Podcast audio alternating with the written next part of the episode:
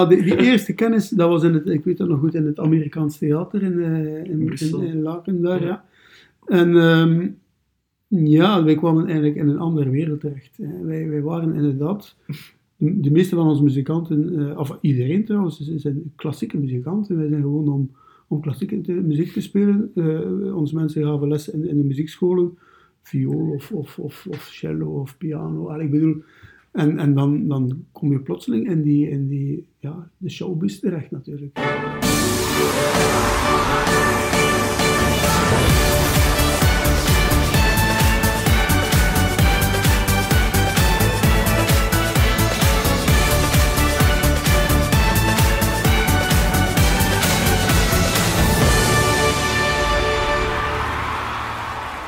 Wij zijn Jonathan en Jasper van Songfestival.be en vandaag zijn we op Eurovisite. Bij Michel van Geluwe van Ishtar. Hallo. Hallo? Welkom Michel. Eh, allee, welkom, wij moeten eigenlijk welkom zeggen, want wij zijn hier uitgenodigd bij jou thuis. Ja, Ehm, ja, heel fijn dat je ons wilt ontvangen. Hè? Ja.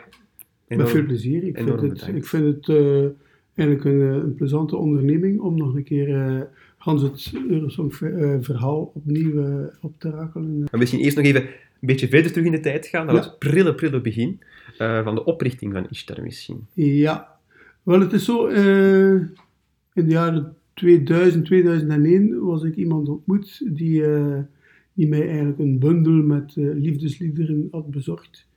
Dat was voor haar koortje dat zij had en ze vroeg mij of ik wilde een aantal arrangementen klaarmaken voor dat koor. En dat is eigenlijk het, het allerbegin geweest van, van Ishtar. Want die, die liederen, dat waren liederen uit Hans Europa, dus er zaten Engelse liederen, Duitse, Franse, veel Balkanmuziek. Mhm. Dat was eigenlijk iets dat mij enorm eh, triggerde. Ik vond dat heel, heel mooie, sterke melodieën. Ik heb toen een aantal arrangementen gemaakt voor, voor dat koor. Maar onmiddellijk groeide eigenlijk het idee, laat ons daar iets meer mee doen. Eh dat is heel mooie muziek. En ik had er onmiddellijk ook een aantal begeleidingen met instrumenten eh, bijgevoegd. Dus ik speelde veel in alle soorten ensembles in die tijd. En eh, dus eh, ik kende een aantal mensen die, die zeker eh, bereid waren om mee te spelen. En dat was in, de, in het begin was dat met gitaar, contrabas, piano, klarinet, viool, cello, die instrumenten. En toen hebben we hier bij mij thuis, hier in Sint-Lieve-Zessen, eh, in de zomer van 2001 een, eh, een concert georganiseerd op een festivalletje. Het was een, een jaarlijks terugkerend festival hier in de tuin, Nieuwe Oogstfestival. En toen eh, hebben we met dat koortje en onze nieuwe groep Ishtar eenmalig een concert gespeeld. Wij dachten dat het een- eenmalig zou blijven, maar dat was zo, eigenlijk zo'n zo'n sterk concert in feite. En het publiek reageerde daar eigenlijk ook heel, heel sterk op. En het was ook heel plezant om te doen, dus we vonden het een beetje jammer om, om het daarbij te laten. En zo is het eigenlijk begonnen. En waren dat toen al de, de mensen waar je dan later eh Eurosong zou mee doen? Dat waren toen al die artiesten Eh allemaal? er waren een aantal mensen waren inderdaad eh, die, die, zou ik zeggen, de, de hobo, de viool, de klarinet, waren mensen die, die tot op het, ah, tot op het Songfestival dan meegegaan zijn. meegegaan zijn. Maar in de loop der jaren, eh, tot op vandaag, is het eigenlijk, we hebben gezien dat het altijd een soort wisselende bezetting is. Heel dikwijls met dezelfde mensen, zijn nog altijd dezelfde mensen als toen eh, in, in onze groep. Maar er is ook veel eh, verloop geweest van, van muzikanten als, en ook van zangeressen. Helemaal in het begin was, ehm, was een, een zangeres, Els, Schuiper, Els die eigenlijk mij ook die bundel van die liefdesliederen bezorgd heeft. Dat was eigenlijk de, de mede-bezielster van het project. Dus zij heeft eerst een, een, een aantal jaar, ik denk, als ik me niet vergis, twee jaar, was zij de, de solozangeres. Maar al vlug kwamen ook de twee zussen van onze violisten erbij, omdat die ook goed zongen, dus in vervanging van het koor. En, en ze hadden ook een broer die, die cello speelde, dus ze hebben ook een, een broer erbij gevraagd. En zo begon het eigenlijk, eh, ze hadden eigenlijk met vijf leden van dezelfde familie. Dus eh, drie zussen, een broer en een schoonbroer. En ehm, ja, op een bepaald moment eh, is een van die zussen dan een keer ziek, ge- ziek geworden en ze kon niet mee zingen voor een concert. En toen hebben wij op, zijn we op zoek gegaan naar, eh, naar een vervanging. En zo zijn we eigenlijk bij Soetkin terechtgekomen. Toevallig eigenlijk meer. Ja, ah, wel, omdat er hier, hier eh, bij mij thuis, hier in Sint-Lieve was er elk jaar een festivalletje. En ik had ze eigenlijk zien optreden op een van de optredens hier op het festival. En dat was mij altijd bijgebleven. Ze was toen nog heel jong. Ik denk dat Soetkin toen 16 jaar oud was of zo. Maar ik voelde wel dat zij een heel, veel kwaliteiten had, heel veel talent. Ze speelde ook viool.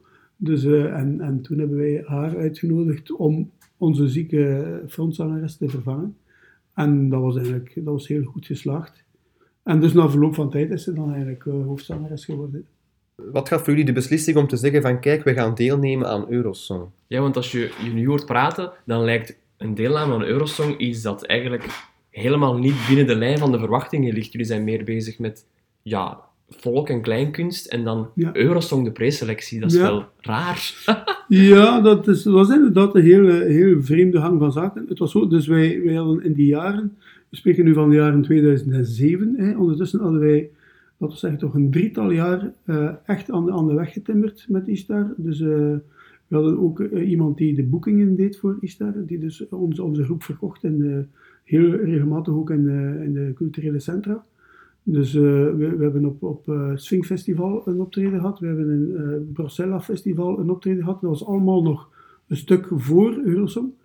Ehm, en ja, wij, wij voelden dat het belangrijk was om, om, om ja, gekend te worden Ja. en daardoor gemakkelijker concerten te verkopen.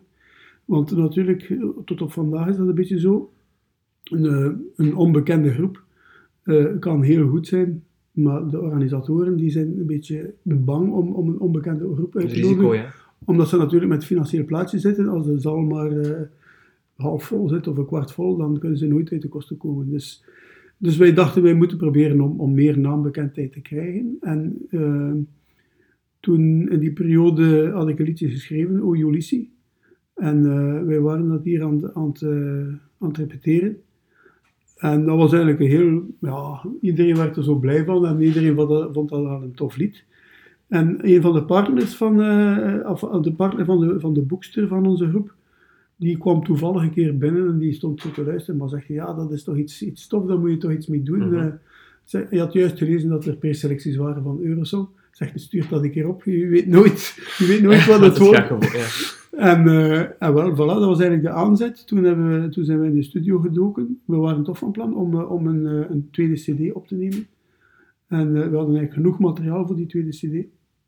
En toen zijn we in de studio gedoken en hebben we O Ulysses opgenomen. Hebben we dat ingezonden eh, bij, de, bij de VRT. En ehm, ja, dan... eh, En stond iedereen in de groep daar meteen achter? Want ik kan me voorstellen dat er misschien mensen zijn die denken, ja, nee, daar wil ik eigenlijk niet aan meedoen binnen de groep. Of iedereen vond dat meteen een goed idee. Ja, maar ja, natuurlijk was het zo'n beetje bijna als grap, hè, want Ja. wij hadden ook niet, niet verwacht dat dat ooit iets zou worden. maar goed, wij dachten, Dit is wie een weet, valt het op. Ja, maar misschien, een misschien. Wij, wij dachten, misschien, misschien eh, valt het op door zijn originaliteit en komen we bijvoorbeeld een keer op televisie. Hè, want er waren twintig kandidaten, in die preselecties twintig kandidaten, dus Maar Servië, dat was dan eigenlijk, ja, bij wijze van spreken, nooit het doel. Nee, absoluut niet. Dat was heel ver van ons bed op dat moment.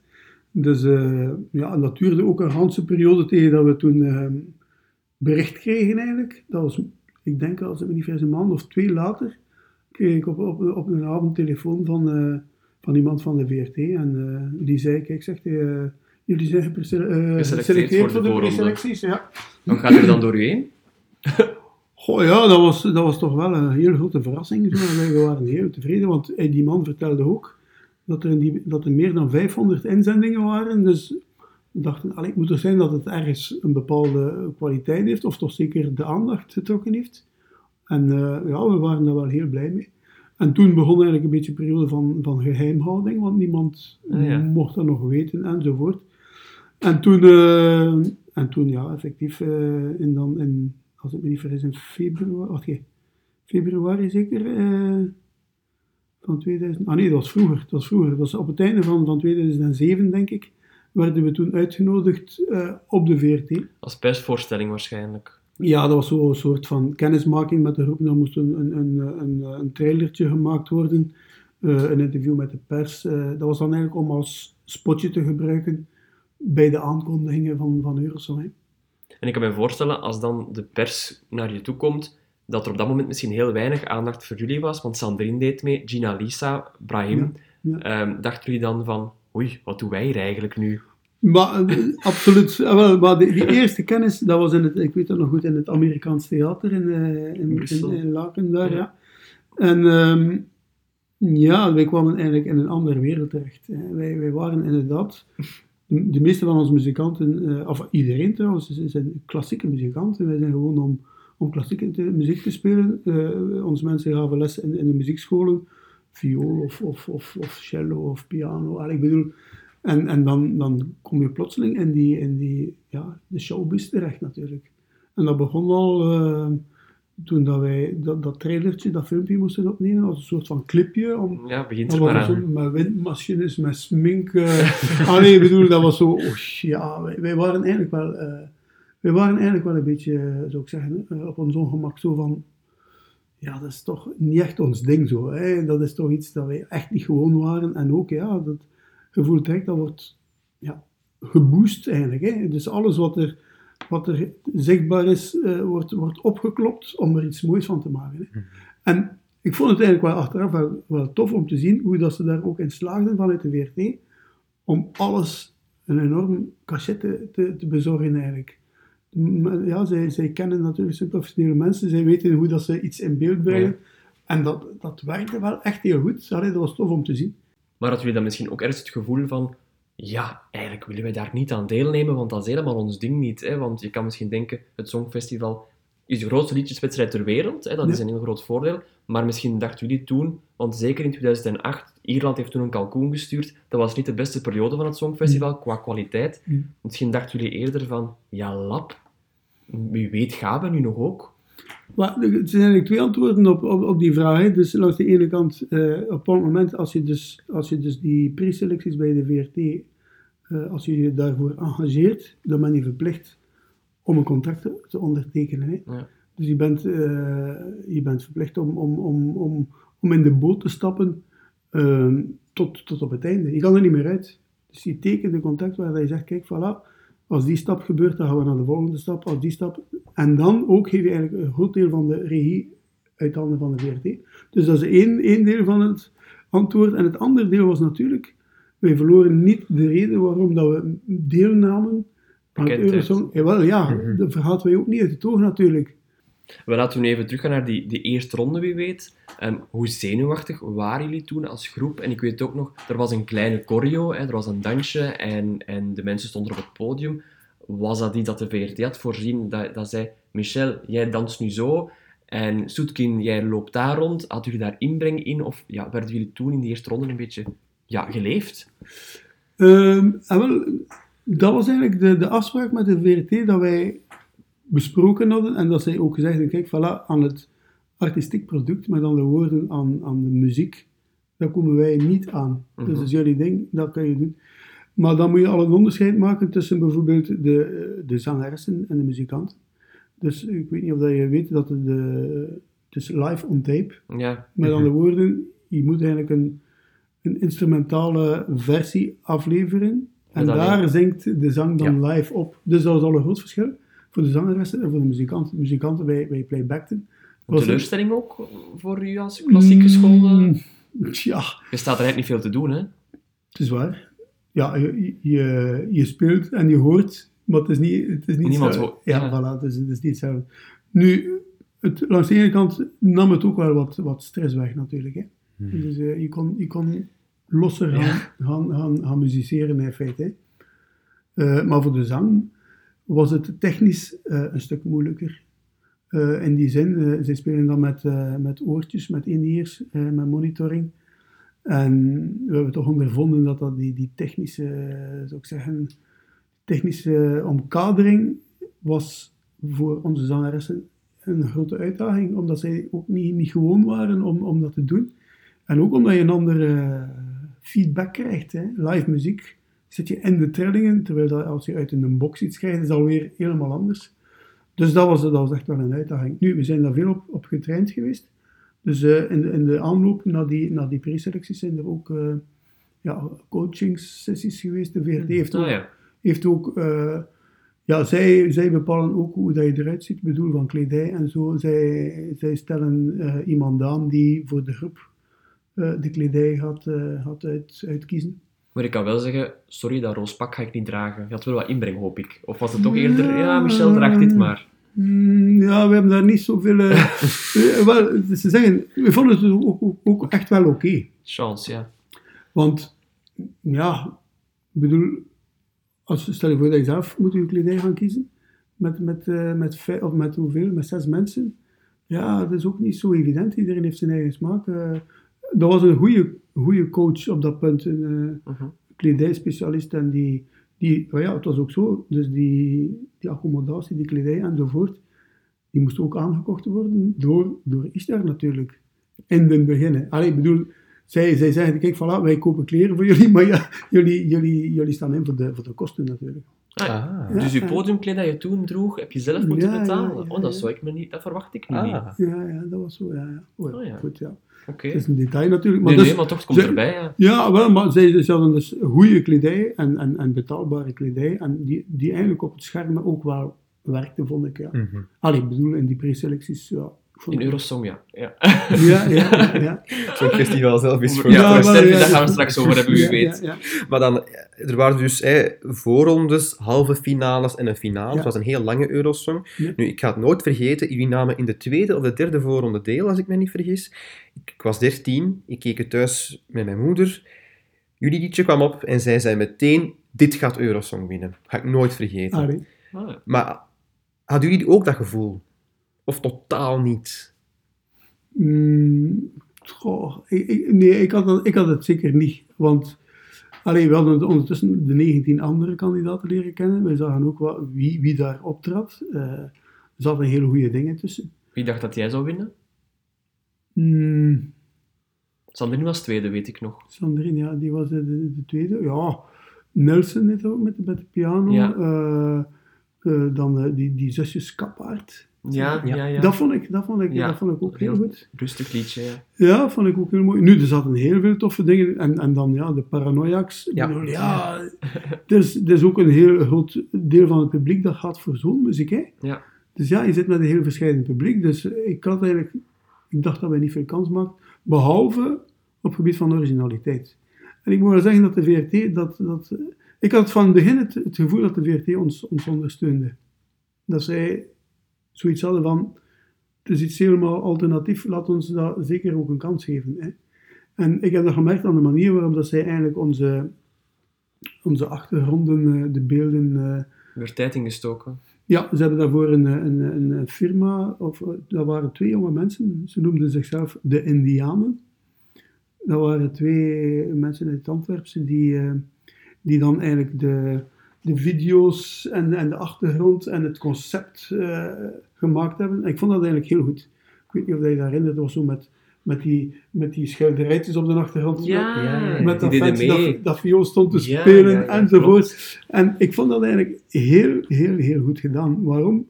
Het, het gaf het gevoel van, van, een, van, een, van een woonkamer, van een huiskamer. Het was zo heel cozy, eh, heel passend voor onze muziekinhoud. Zo kun je toch nog een beetje je eigenheid kwijt binnen dat circus van de preselectie, ja, ik begrijp het wel. Ja. dat was mooi ingekleed. In tegenstelling tot, tot natuurlijk.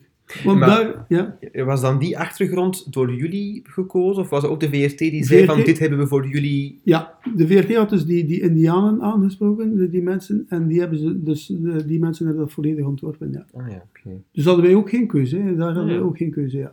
Dus als het nu echt bijvoorbeeld heel lelijk of heel slecht was geweest, was het ja, pech. Pech, inderdaad. We hadden daar eh, op dat vlak geen enkele inspraak.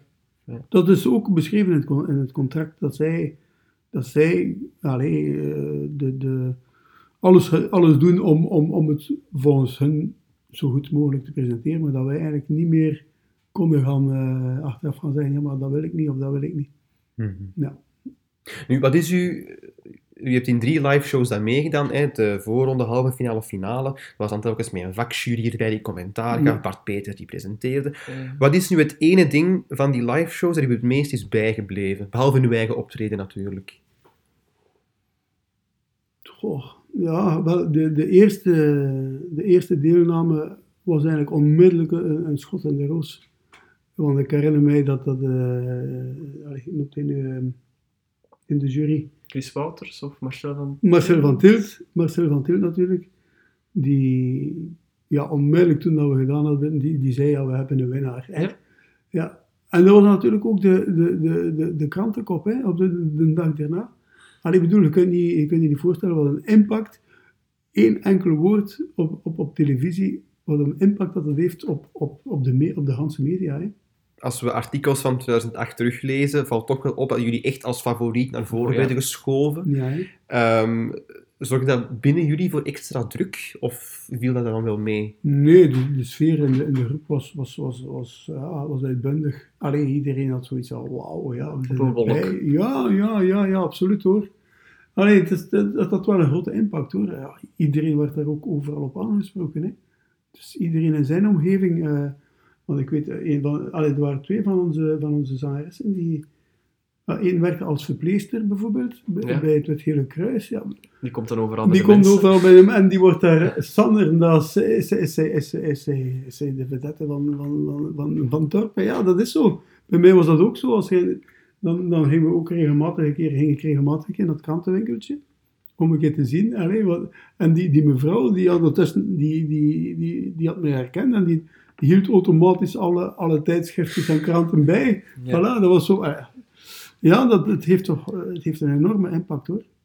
Ehm, en dan vraag ik me ook wel af, ja, jullie worden inderdaad naar voren geschoven als eh, de favorieten, terwijl jullie eigenlijk vrij onbekend zijn. Ehm, is er dan zo'n beetje concurrentie binnen de andere kandidaten? Want ja, jullie zijn de topfavoriet, maar de anderen doen ook wel nog mee. Hoe was dat contact met de andere kandidaten eigenlijk achter de dat schermen? was goed, dat was goed.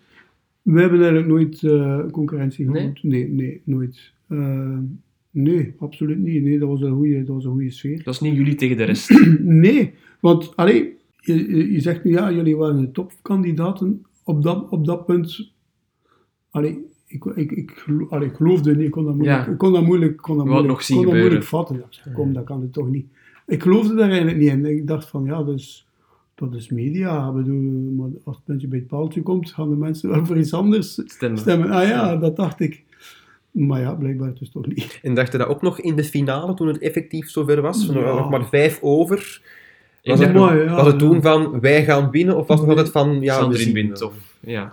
Ja, en ik moet zeggen, ehm, ik vond de, onze, laatste, onze laatste deelname misschien ook niet echt de beste hoor. Met de Eh, laatste, de finale, die optreden daar. Ja. Omdat? Maar ja, dat is natuurlijk. eh, dus het is een persoonlijk gevoel natuurlijk. Hè. Ik, was, ik was zelf misschien eh, gespannen en, en, en, en, en, onrustig en, en je, kunt niet, je kunt niet echt opgaan in, in, in de muziek. Terwijl de eerste keer vond ik, Ja. voor mij was dat een feest op het podium gewoon. Allee, ik bedoel, allee, er was niks te verliezen. Hè. Ik was, ik was heel, eh, voor mezelf, allee, het is natuurlijk heel persoonlijk, maar voor mezelf eh, was ik gewoon heel blij dat we die eerste finale bereikt hadden gewoon. En, maar de laatste keer inderdaad komt daar die stress bij, zo van, ja, wat is dat hier nu? En, en voor mij was die- mijn, mijn persoonlijke eh, gevoel was zo, ja, dat was niet zo, niet zo, niet zo ideaal eigenlijk. Maar ja, toch, ja, kijk. Mhm. We waren nog heel gelukkig als, als, als Bart Peters dan eh, aankondigde, ja, voilà. Is daar, ja. Wat denk je dan op dat moment? Weet je dan nog wat je toen dacht? Maar ik was, eh, ik was heel emotioneel hoor. Ik, ehm, Alle stress los. En wel, eigenlijk, ehm Ishtar betekent heel veel voor mij. Vanaf, vanaf de oprichting van Ishtar, allee, ik, ik heb dat net, van daarnet gezegd, ik was eigenlijk verliefd geworden op die, op die, op die, op die melodieën, op die klanken, allee, op die groep. eh, dat was op dat moment echt mijn leven. Ik had daar ook voor uh, verlofsonderwijden gepakt in, de, in, in, mijn, in mijn werk, loopbaanonderbreking genomen. Ik was eigenlijk fulltime mee bezig. En dan is dat toch wel een, een, een, eh, echt een bekroning op dat moment. En inderdaad, alle, er was een enorme druk geweest op, op voorhand. Ehm, dus door al die, al die andere stappen die nog moesten eh, gezet worden op het gebied van administratie. Ja, Ja. ja. Je was En niet voorbereid op zoveel succes eigenlijk op Nee, dat die moment. pers, eh, er was een, een- plotseling een boost van cd-verkoop. eh allee, ik bedoel, het moest allemaal opvolgen. We hadden daarvoor geen secretariaat. Mhm. Ik bedoel, het was zoveel stress, dan moesten we altijd naar de, naar de VRT om, om, om gesprekken voor interviews enzovoort, repetities.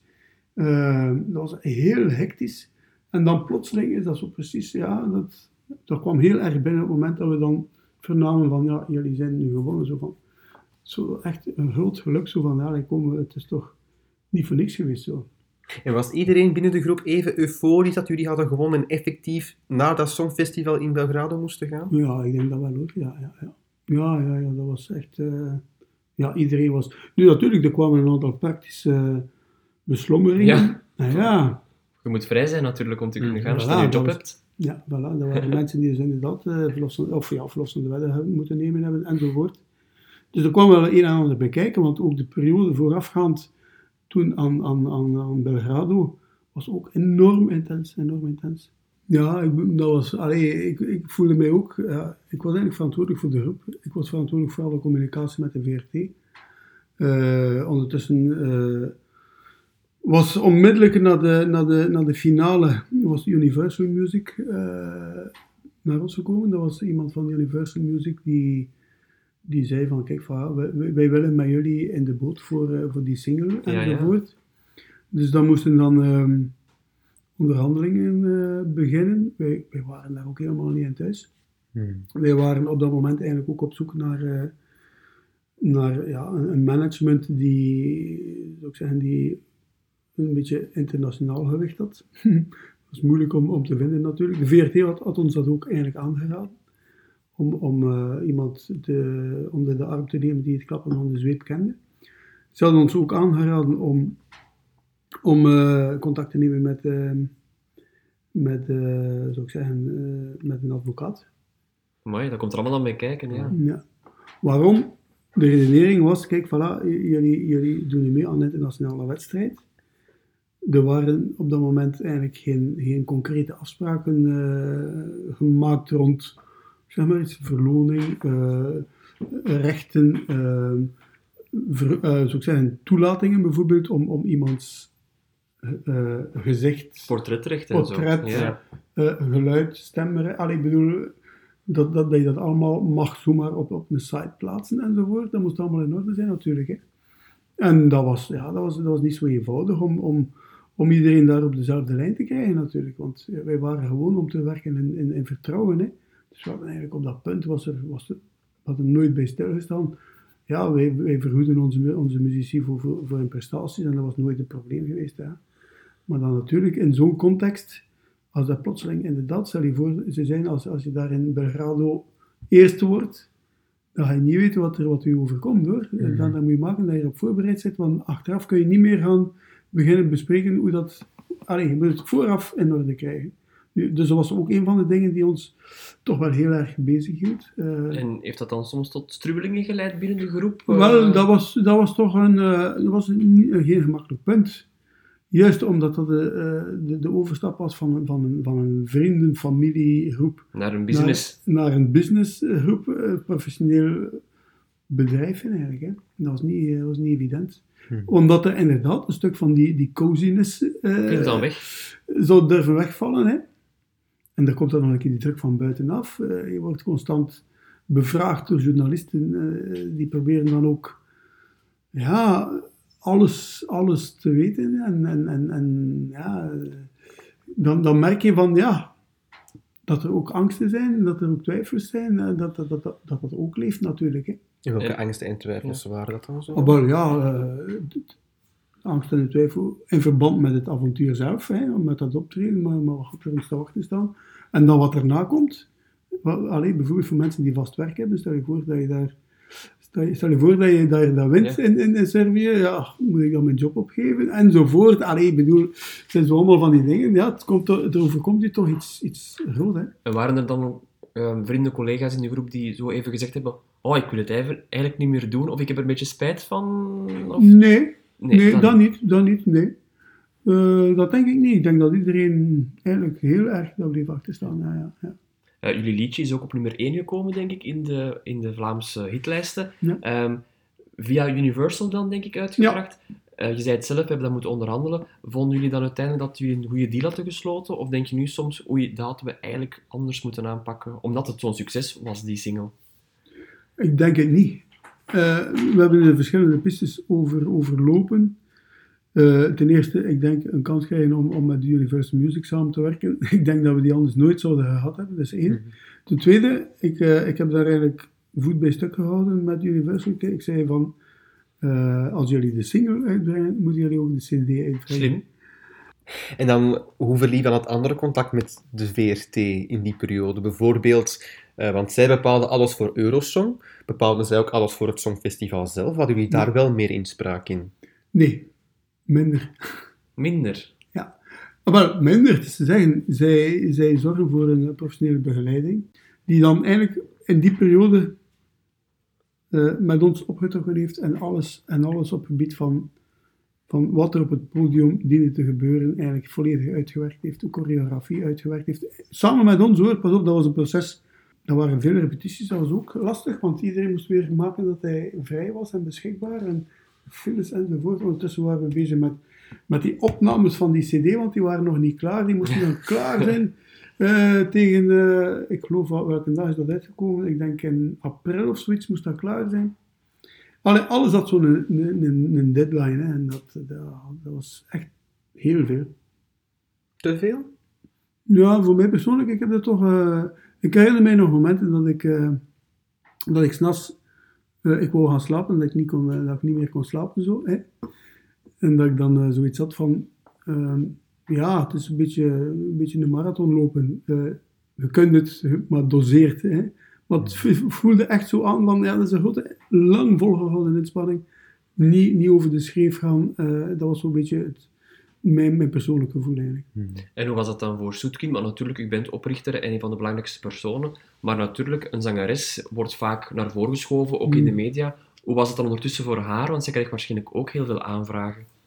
Ja, wel, maar ik denk voor haar is dat, eh allee, zij is, haar gezicht is, is, is op, op dat moment voor Hans Vlaanderen. Is daar, hè? Ja, Ja.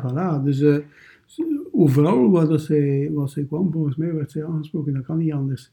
Dus, maar ik denk dat het voor haar in die zin iets, iets comfortabeler was, omdat zij, ja, zij, zij, kon zich, zij moest zich niet aantrekken van alle, van alle beslommeringen achter de schermen, financiën, eh, Mhm. die advocaten, eh, al die zaken. Dus zij, ja, ik denk dat zij er, ik weet het niet, misschien, ja, ik vermoed dat zij daar wel meer kunnen van genieten heeft eigenlijk. En was dat dan ook een duidelijke afspraak van, kijk, ik doe al die administratieve zaken en jij bent het gezicht? Of denkt u nu, ja, eigenlijk had ik het meer moeten verdelen?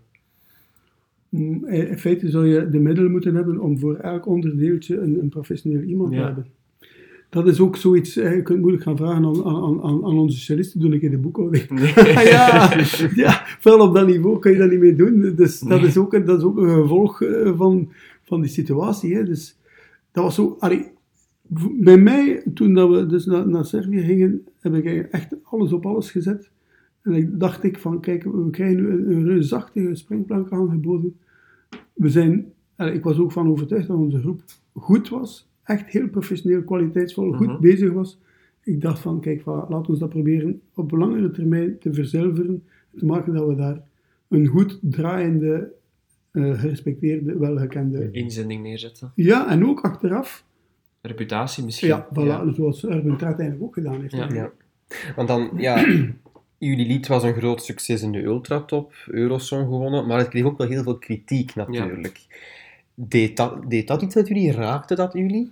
Maar dat was eigenlijk al van het begin van de eerste preselectie. Kon je zo op Eurosong.be, geloof ik, Mhm. kon je die, die Reacties, eh, ja, de krantenreacties werden gebundeld. Hè? En dat was, dat was een vloedgolf aan, aan de reacties. Iedere keer opnieuw. Ja, bijvoorbeeld En- Herman Brusselmans was echt heel scherp naar jullie. Ja, heeft echt ja. jullie afge, afgebroken Ja, toen. ja. Hij zei, en ik ga citeren, een absoluut infantiel, debiel, achterlijk, middeleeuws klinkend heksenlied. Oh. Ja, ik herinner me dat. Oh. Dat was op de, op de Nederlandse televisie. Hè. Ja, ja. Heksennummer. Nee. Oh. Ja, we, we hebben nog, nog eh, van, van dergelijke commentaren gehad. Dat was blijkbaar een, een, een, een, ja, relatief groot deel van het luisterend Vlaanderen dat, dat daar niet mee, kon, eh, niet mee overweg kon eigenlijk. Omdat het, ja, het is inderdaad heel alternatief. Hè. Het, is, het is geen mainstream muziek. Hè.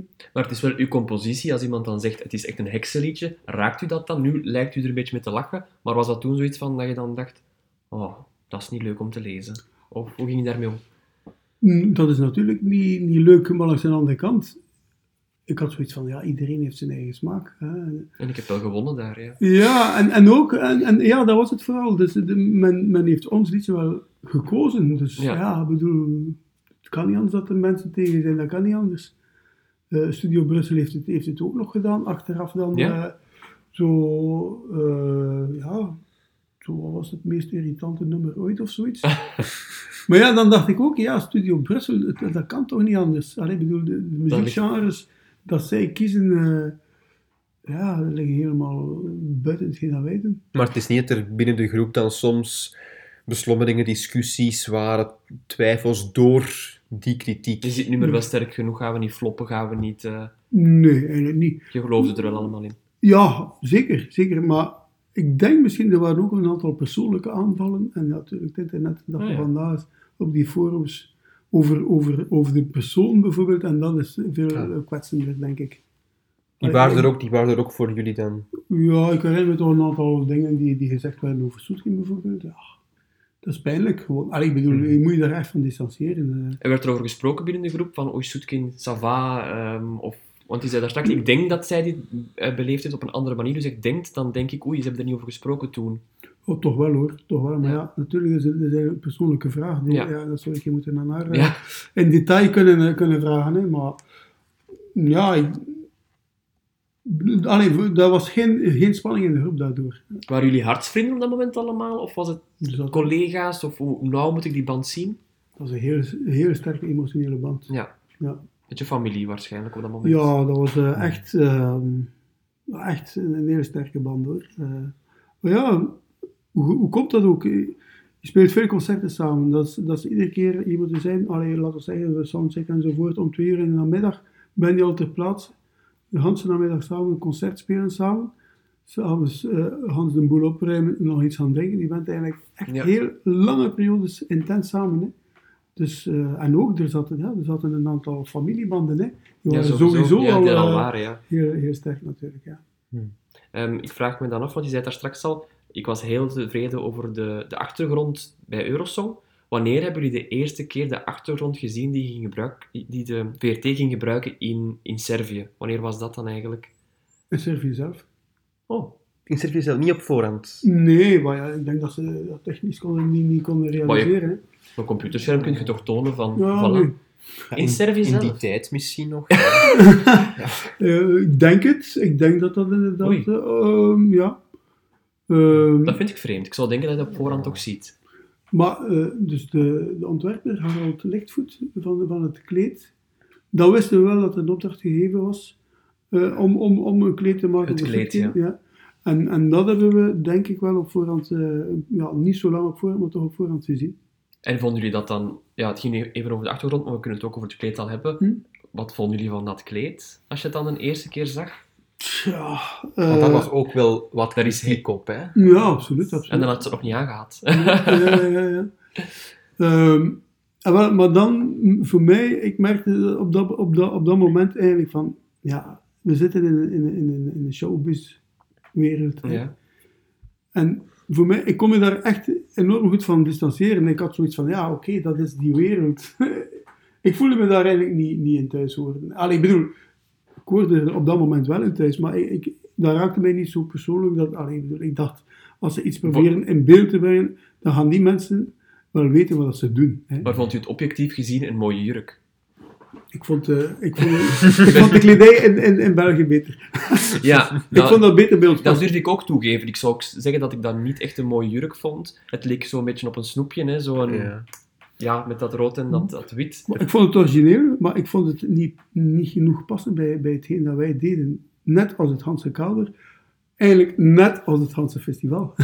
Ja, ja. Dat is eigenlijk Ja. dat is een, Maar dat- klein, een klein liedje. eh, heel, zou ik zeggen, maar heel weinig zou ik zeggen, eh, Glitter, eh, Voilà, heel eenvoudig, heel eenvoudig, heel lief, eh, heel klein kinderliedje bijna. Mhm. Dus eh, je zou het bijna moeten zo in die, in die sprookjescontext kunnen brengen. En dan denk ik dat het ook beter zou werken.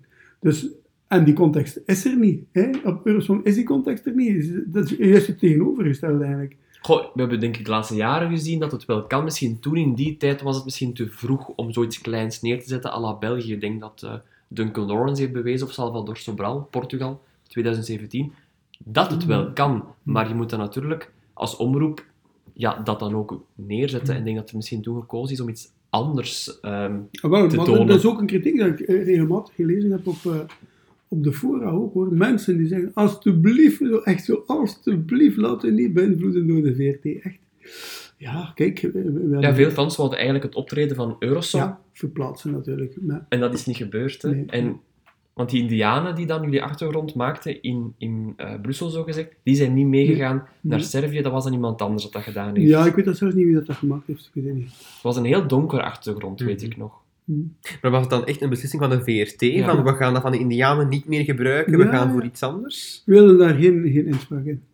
Maar je hebt dan, heb je dan niet de kans gekregen om te zeggen, oh, maar wij vonden het eigenlijk wel heel erg goed. Dat hebben we wel gezegd. Maar dat werd niet dan eigenlijk genoeg. Ja, maar dus de, de motivatie is natuurlijk van, ja, we zitten daar in een ganz andere context op, op een reusachtig podium. Dat kun je Mhm. niet maken dat je daar een piepklein huiskamer gaat maken. Allee, dat was de redenering. En ja, Mhm. wie ben ik om te zeggen, ja, je hebt geen gelijk. Zij, zij weten meer, zij hebben ervaring met Eurosong. Hè, bij ons, eh, wat was dat daar, stond er een te schaatsen, zeker op het podium. Allee, bedoel, Ja, Maar Alles- die, maar die is wel gewonnen natuurlijk uiteindelijk. Ah, wel. het Ah, wel, maar dus met andere woorden, dat zegt het, het, het, het visuele aspect is in zo'n wedstrijd enorm belangrijk. Mensen kijken meer dan dat ze luisteren. Mm. En dus, dus wat heeft die Ricardo Overman gedaan? Hij heeft gedacht van, oei, we hebben daar een gigantisch podium, we gaan dat moeten proberen toch te vullen op een of andere manier. En we stonden redelijk ver uit elkaar. Hè? En, en dat was ook... Ja, Sutkin stapte zo naar iedereen toe hè, op het podium. Zo'n Ja. beetje een, een kennismaking met iedereen. Maar dat is achteraf gezien ook niet de beste keuze, want was, zij, zij was buiten adem bijna. Allee, ja. dat, was, dat, was, eh, dat was fysiek eh, niet te onderschatten. En Ja, ondertussen drie nog zingen ook. Hè. Ondertussen nog zingen ook. Hè.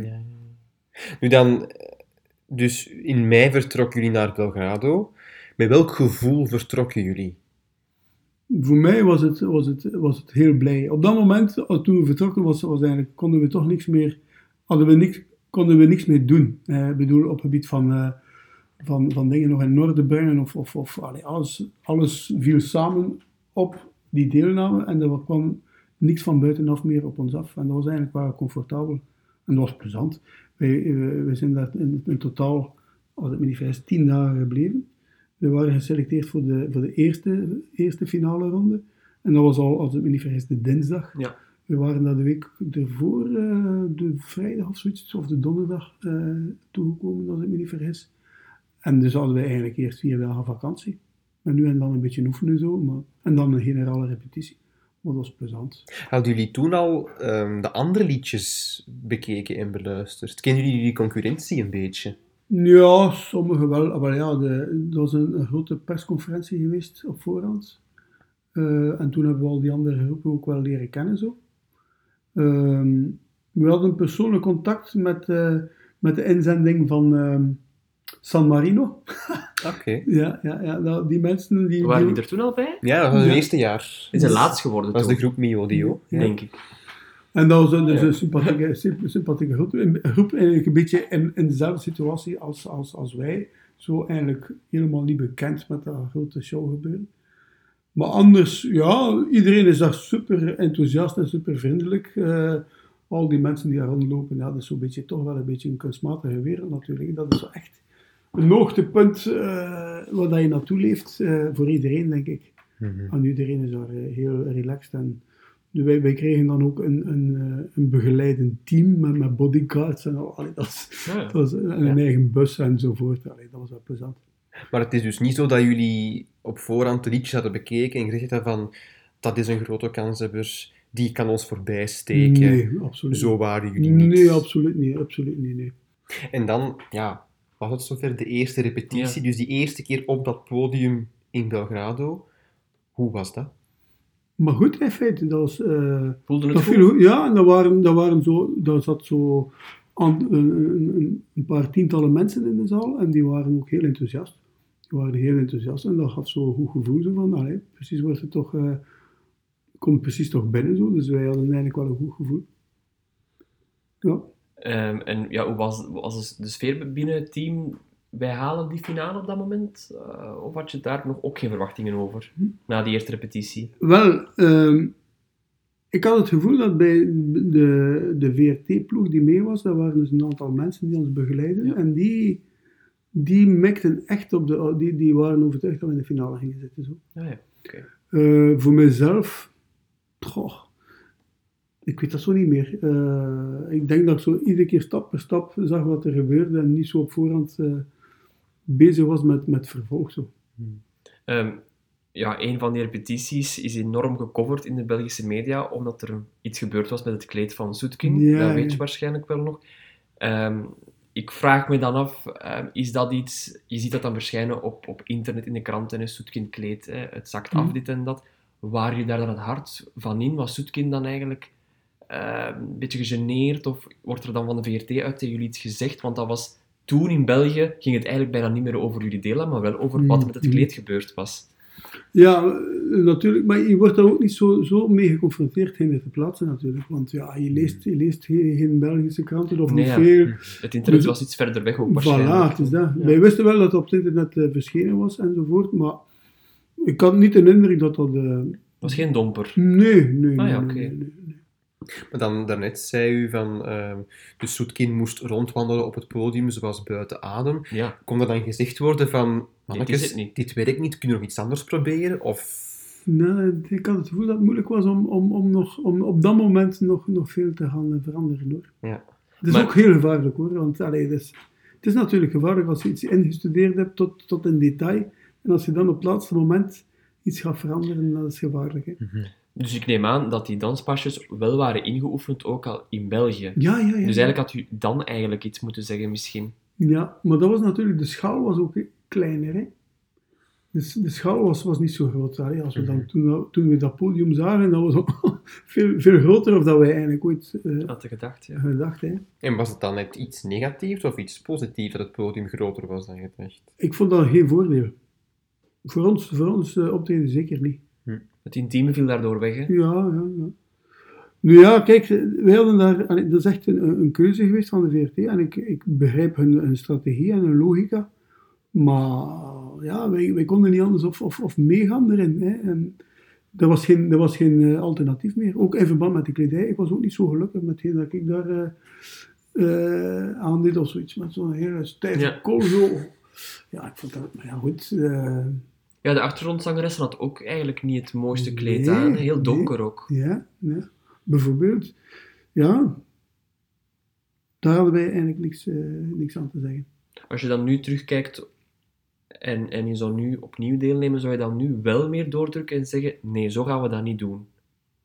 Of blijf je erbij van, VRT heeft het beste eruit gehaald voor ons? Ik denk dat, je, dat we meer zouden vertegenwoordigd moeten worden door iemand, een manager of zo, of iemand die, die, die een heel goede visie heeft op, op, op, ons, op, op ons potentieel. En die dan eigenlijk zou onderhandelen met de VRT. Want de VRT raadde dat wel aan, een manager, maar, dat heb je maar er is geen manager gekomen in die periode. Er was geen Nee, tijd voor om die aan te nemen. Ah, wel, was, dat was een moeilijke situatie. Een beetje. We hadden in, in, in Vlaanderen hadden wij een boeker. Een vrouw die dat eigenlijk eh, in, in de eerste jaren van Istar goed gedaan heeft. Mhm. Eh, maar ja, boeker en manager is nog een verschil natuurlijk. Mhm. Op, op, zeker op dat niveau. En, en dus hebben wij wel uitgezien eh, om, om iemand te vinden, maar dat is eigenlijk niet, niet echt gelukt. Zou het voor u anders zijn geweest, denkt u, als er wel een manager was geweest die echt had kunnen onderhandelen? Ik denk dat wel, want nu, nu onderhandelden wij als, als artiest eigenlijk met, met de VRT. Wij, we hebben genoeg onze, onze mening gezegd. Hè. Mhm. Maar ja, wij, wij waren individueel verbonden met een contract. Hè? Dus ja, zij, zij vallen daar ook op terug. Eh, zij bepalen eigenlijk wat er gebeurt. Als je een manager hebt, dan heb je eigenlijk een externe functie, echt een onderhandelingsfunctie. En, en dan moet je het zelf niet gaan doen. Ik vind dat eigenlijk beter, positiever. hè. Het is wel eigenlijk grappig, tien jaar later ehm, heb je dan Senek, die, ehm, Laura Groeseneke is naar het Songfestival gegaan, kreeg carte blanche over heel de lijn, over Phonic nu ook. Denk je dan, oh, ik had dat eigenlijk ook wel gewild, dat er zoveel kon. Want nu kan het blijkbaar wel. Ehm, het is zo dat je natuurlijk, als je de juiste omkadering hebt en de juiste professionele mensen die je begeleiden in dat proces, is dat een voordeel, denk ik. Ja. Maar het is juist op dat punt dat wij, wij, wij, wij waren vijf of, of, of zes muzikanten. Hè. Dus wij, wij kunnen niet thuis zijn in al die domeinen van kledij, van, van ansenering, van filmen, van, van camera, beeld. Allee, eh, je moet het overlaten aan, aan professionelen. Dus als je de mogelijkheden hebt om, om een volledig team te hebben rondom, rondom jouw ensemble, dan, dan zit je in een, in, ja, zit je in een zetel natuurlijk. Hè. Want u, u sprak al over de kandidaten van San Marino, maar waren er andere verbroederingen met kandidaten? Want dat gebeurde heel veel in die tijd, om dan zo stemmen te krijgen van anderen van kijk, wij zijn beste vriendjes. Ja, dat gebeurde wel. Was dat ja, bij jullie ook? Dat is zo'n beetje in de loges, in de wandelgangen gebeurde dat wel zo als er camera's in de buurt waren, maar ik vond niet dat dat een grote diepgang had. Zo, allee, ik bedoel, Hmm. ja, je ziet wel die mensen, maar... Mhm. Ja, je wist op de duur wel wie, wie, wie bij welke groep hoorde, zo. Ik had bijvoorbeeld, ik heb nog goede herinneringen aan die Israëlische zanger. Ja, Boas Mauda. Boas, dat, was, dat vond ik eigenlijk, dat vond ik eigenlijk de, de beste van... eh, Dat was een heel mooi liedje, dat klopt. Dat vond ik eigenlijk heel sterk. Heel sterk, dat vond ik tof. Eh, allee, en als je die, als die jongen dan, dan ontmoet, ja, wel ja, zegt wel goeiedag en, en spreekt wel een keer met elkaar zo. Maar echt om te zeggen, vriendschappen zijn daar niet, niet uitgegroeid. Bij mij toch niet. Ja, uiteindelijk heeft eh, Dima Bilan eh, gewonnen dat jaar. Sommigen zijn ook Diva Bilan, eh, omdat Ja. hij blijkbaar nogal moeilijk kan doen. Hebben jullie daar iets van gemerkt, dat de Russen eigenlijk daar ehm, met heel veel verwachting naartoe waren gekomen? Mm, Heb je ja. die ontmoet, die zanger? Niet persoonlijk eigenlijk. Nee. We hebben die wel gezien met zijn, Ja. met zijn entourage, maar ja, nee, dat bleef tamelijk eh, Ver weg. ver weg. Ja. Ja. En misschien met de Nederlandse kandidaten? Dat wel. We zijn een keer eh, uitgenodigd geweest op de, op de, op de, op de, zou ik zeggen, op de ambassade, de Nederlandse Ja, ja. ambassade in eh, Servië. En daar hebben we eigenlijk een soort van geme- gemeenschappelijk optredentje gedaan. Oh, ja. Eh, live. Met Hint dan. ja. Zij bracht dan haar lied en dan hebben wij Ulysses gebracht. En toen hebben we dingen eh, opzij, opzij, opzij van Herman van Veen gebracht ook. En dat viel goed in de smaak. En ja, dat was live muziek op een podium met versterking enzovoort. En dus ja, daar, dat was eigenlijk meer onze, onze habitat eigenlijk. Hè, ja. Ja. Ja. Ja, en dan eh, was het de dinsdagavond, de eerste halve finale van het Songfestival. Ja. Vlak voor de uitzending, dachten jullie van, we gaan het halen? Of was het nog altijd een heel groot vraagteken? Zo'n groot vraag, vraagteken toch hoor. Ja. Ja, dat bleef... allee, het is zo onvoorspelbaar ook. Hè. Mhm. Allee, het was nog met, met die televoting, dus ja. Ik bedoel, het stemgedrag van... eh, het was zonder jury, hè. Dus met andere woorden, dat was volledig afhankelijk van televoting, dus ja. Was er toen nog geen eh, jury die... Nee. Ja, de jury koos één finalist, maar Ja. meer nog niet. Ja, ja. Pas het jaar daarna werd dat echt De grotendeels zogezegd, ja, klopt. uw gevoel. Ik denk dat we beter gingen gescoord hebben als er een jury was. En waarom denkt u dat? Wel, eh, die televoting, ja, het is toch normaal dat, dat mensen niet... allee, Die kijken meer, zegt u, denkt, denkt u. Ja. In plaats van Ah. luisteren. En een jury luistert misschien meer. Eh, ja, ook, maar, maar televotinggedrag is toch iets, ja, ik bedoel, wie, wie, wie, ten eerste, wie, wie doet eraan mee? Allee, het is maar, het is al een- misschien in, in, in, de, in de Balkanlanden zal dat misschien een veel groter publiek zijn dan, dan in België, ik zeg maar iets. Eh, wie, wie heeft er voor ons gestemd? Nederland. Allee, ja, van, van Nederland hadden we 12 punten. Ja, wacht, jullie kregen 10 punten van Of- Nederland Of 10, ja. en 6 punten van Estland. En voor de rest Van- helaas niks. Van waar Maar- komen die dan? Van waar komen die 6 punten van Estland? Heb je er een verklaring voor? Ik denk dat dat een soort van. eh, het, het, het, eh, het- het- ten eerste het, gezamenlijk gevoel van wij zijn een klein landje dat meedoet aan, aan, eh, aan Eurosong, denk ik. En ten tweede, ik, denk, en ik ben toevallig deze zomer in, in Estland geweest. En ja, live muziek is daar, is daar heel levend, hè. Het herkende zich misschien een Ja. beetje in wat ze daar zagen. Wie weet. dat denk ik. Ehm, hoe zenuwachtig waren jullie vlak voor en tijdens het optreden? Hoe zenuwachtig was Soetkin bijvoorbeeld? Ik was zelf niet zo zenuwachtig. Allee, ik heb het daar, daarnet ook gezegd, van, ja, bij ons ja, kon er niet zoveel mislopen eigenlijk. Eh, mm, Soetkin, ik denk dat dit toch wel, ja, dat zal toch wel veel betekenen hebben voor haar, denk ik. Hè. Ik heb ergens gelezen dat ze echt heel zenuw- Mm, zenuwachtig mm, was die periode in Servië. Klopt dat? Het zou kunnen. Ah, ja, dat is echt... eh, Ik, ik, Dat zie je toch aan een persoon? Ja, maar ja, zij, zij, is een heel extravert iemand. Zij, is altijd wel, zij was altijd wel opgewonden, zo, maar in hoeverre dat dat naar binnen eh, een impact heeft, dat is moeilijk, moeilijk in te schatten, denk ik. Ja. Maar het is niet dat ze aan de zuurstoffles moest hangen omdat ze het niet aankon. nee, nee, nee, nee, nee. Zij was in haar normale doen volgens Ja, mij. oké. Want dan, eh, Excited zo. Hoe gaat dat dan concreet eigenlijk? Want dat vraag ik me ook altijd af als ik naar het Songfestival kijk. Dus jullie kwamen als zesde aan bod, als ik het mij nog goed herinner. Ehm, zitten jullie dan, moeten jullie dan klaar gaan staan op voorhand? Wie komt u dan halen? Wie ja? komt u halen? Hoe lang op voorhand is dat dan? Wanneer is de cue van en nu moet ik op het podium gaan staan? Ja. Hoe gaat dat allemaal? Ah, wel ja, dus er is een, een gans team van medewerkers eh, die daar, die daar eh, al- allemaal een rol vervullen. Dus het is een soort van, vlak voor het podium is een soort van wachtkamer. Hè? Dat is dan voor de kandidaat die komt als het, nummer, het vorige nummer Ah, ja. is. Hè? Dat is de, de wachtkamer. Maar daarvoor moet je ook nog helemaal technisch in orde gezet worden. Met andere woorden, eh, de zangeressen die krijgen een eh, micro met, eh, met alle, allerlei technische installaties erbij enzovoort.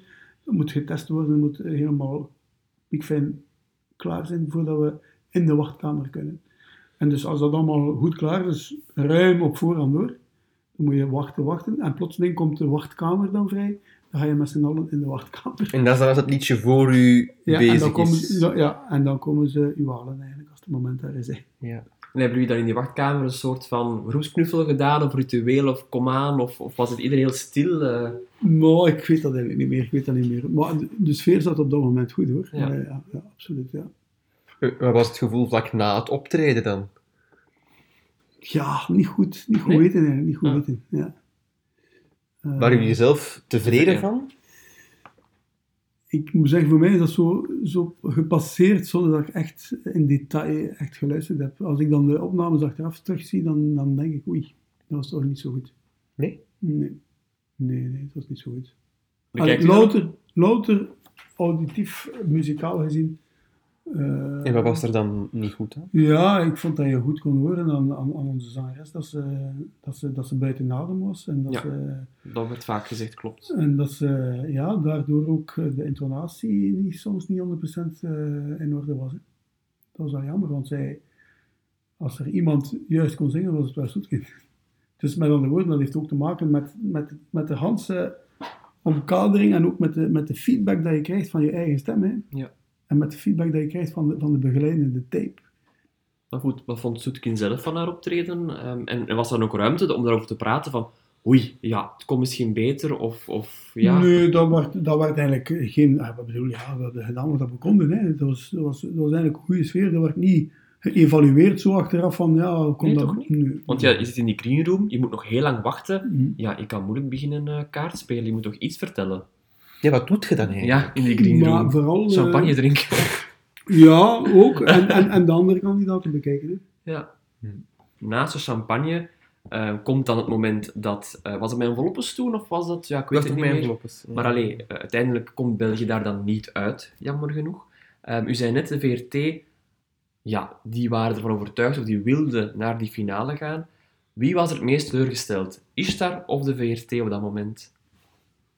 Goh, ik denk alle, alle twee hoor. Wij waren ook wel... Allee, we vonden het heel jammer dat we er niet bij waren, hè, natuurlijk. Maar de VRT ook. Want die, die gingen ervan uit dat we, dat we in, de, in, de, in de finale zouden geraken. En vloeit er dan een traan bij iemand? Of wat- hoe, hoe is dat dan? Je zit allemaal in zak en as, even op die paar minuten. Ik weet niet hoe lang dat het duurt. Ja, nee, maar het is te zeggen. Allee, ik, ik, voor mij is dat altijd zo geweest. Ik vond het ongelooflijk dat we daar geraakt waren in de finale en in de halve finale van Eurosong. Dus bij mij was, was, het, was, het, was het fantastisch goed gelukt. Dus ja, en de rest, ja, het is jammer. Hè, maar je, gaat toch ook nadenken. Ja, ik vond ook, het heeft niet, niet te maken met, met de kwaliteit van dat liedje bijvoorbeeld. In feite vind ik. eh allee, je moet het zien in de context. Hè? Dat liedje hoort niet thuis daar. Dus kun je, je het ook niet verwachten dat, dat het daar monsterscores haalt, denk ik dan. En dan, ja, hoe moet ik dat dan inschatten? Dus, eh, je bent er niet bij, Show helaas. gedaan. Je is dan in de green room, de show is gedaan. En dan is het dan, voilà, van nu gaan we gewoon een keer goed op café. Is het, we gaan triestig op onze hotelkamer. Is het, hoe, wat gebeurt er dan? Mm, ja, er zat wel een beetje een domper op de sfeer. Maar goed, we hebben dat inderdaad als groep eh, beleefd, denk ik. En we zijn dan samen iets gaan drinken, als ik me niet vergis. We zijn alles eens een keer samen eh, op restaurant geweest, in een typisch Servisch restaurant, achteraf dan. Maar dat was, eh, denk ik de, de avond erna. Dat we dan een keer... Ah, ja. Want wanneer zijn jullie dan terug naar België gegaan ook? We hebben eh, na, na de finale pas, hè. Na de finale pas? Ah ja, Ja, de zondag eh, na, na de finale, ja. Dat is ook iets dat je natuurlijk leert kennen, hoe dat, hoe dat het apparaat berichtgeving werkt. Hè. Dus de mensen van, van de Rode Loper, die waren continu eh, in de buurt. Hè. Dus, eh, en dat was zo, dat was, voor mij was dat heel eigenaardig. Dus we hadden het team van Eurosong van de VRT. Hadden we het team van de Rode Loper, eh, televisie, die in- interviews probeert te versieren bij, bij, bij de kandidaten. Hè. En in feite, zou ik zeggen, eh, die, die onderlinge communicatie was soms raar. Dus de, de, het, Euro, eh, het Eurosong-team zei, kijk, voilà, wij bepalen wanneer dat er een, eh, een interview komt. Hè. Maar dat wil zeggen, als je dus bijvoorbeeld toevallig aan het wandelen waart en je komt daar plotseling de cameramannen tegen van, van, de, van, de, van de Rode Loper, ja, die, die waren daar en die wilden onmiddellijk een, een, een interview. Hè. En dat was zo, soms zo van, ja, Dat mag niet. ja, wa- wat mag er nu niet? Allee, ik bedoel, ja, ja dat is zo, soms wel een beetje, een beetje eh, vervelend eigenlijk. Mhm. Want jullie waren dus nog vier dagen in Servië. Ja. Welke reacties vanuit België hebben jullie dan bereikt? Oh, maar ja, ook teleurstelling eigenlijk voor een stuk. Hè. Ja, van, vooral van vrienden en kennissen dan, en van familie, ja, die het jammer vonden dat we er niet bij waren. Ehm, en dan natuurlijk de, ja, je leest ook nog de, de, de, de commentaren. Hè. En dan, ja, dus het Songfestival-avontuur zat erop. Hoe zou u dan die periode daar vlak na omschrijven? Was er, een, was er nog altijd blijvende teleurstelling of was het, we gaan meteen verder met Ishtar? Want u was dan bekend geworden in Vlaanderen. Heb je dat voldoende kunnen verzilveren? Ja, Ja. hoe omschrijft u die periode? Ah, wel, we hebben nooit zoveel concerten gehad als in, als in 2008, 2009. Hè? Want inderdaad, zoals gezegd, er waren veel culturele centra die geïnteresseerd waren om ons te boeken. Dus in 2008 echt was dat heel, heel veel concerten. 2009 ook nog. En dan beetje per beetje begint zo die, die media-aandacht en die naamsbekendheid een beetje te verminderen. Hè? En wanneer was het laatste contact met de VRT? Is dat op de luchthaven gedaan? eh, of- Ah. Ja. Ja, denk ik eigenlijk wel, Oh. ja. Ja, ja, ja. Er is geen etentje meer, receptie. Nee, eh, nee, nee. Evaluatie? Nee, nee, nee, dat- ik herinner me dat toch niet meer, nee. Dus je geeft een hand op de luchthaven en je keert terug naar eh, Ja, Herzelen dan waarschijnlijk. Ja, en ja. dan stopt het met ja, ja, ja. Ja, Het is wel abrupte. ja. Ja, ja. Uiteindelijk is het een job voor die mensen natuurlijk. Voilà. En die stoppen op dat Ja. moment. Ja. Het is een professionele band dat je hebt, hè. Ja, en als we dan even vooruitspoelen naar het heden wat meer, hè, dus intussen verschenen er nog twee cd's. Ehm, wat is Ishtar in 2020? Wel, eh, ik ga misschien zeggen, in 2021 bestaan we 20 jaar. Aha. Dus dat is zo... allee, dat is voor mij wel eh, symbolisch mooi, hè. 20 jaar is al een serieuze periode. En dus we hebben een gigantisch repertoire opgebouwd. We hebben met, met verschillende ensembles, zoals koren, harmonieorkesten, symfonische orkesten samengespeeld. In 2021 zouden we graag een, een aantal, eh zou ik zeggen, eh, lustrum-concerten eh, brengen. En daarvoor terugvallen op, op alles, alles wat we in die 20 jaar gedaan hebben.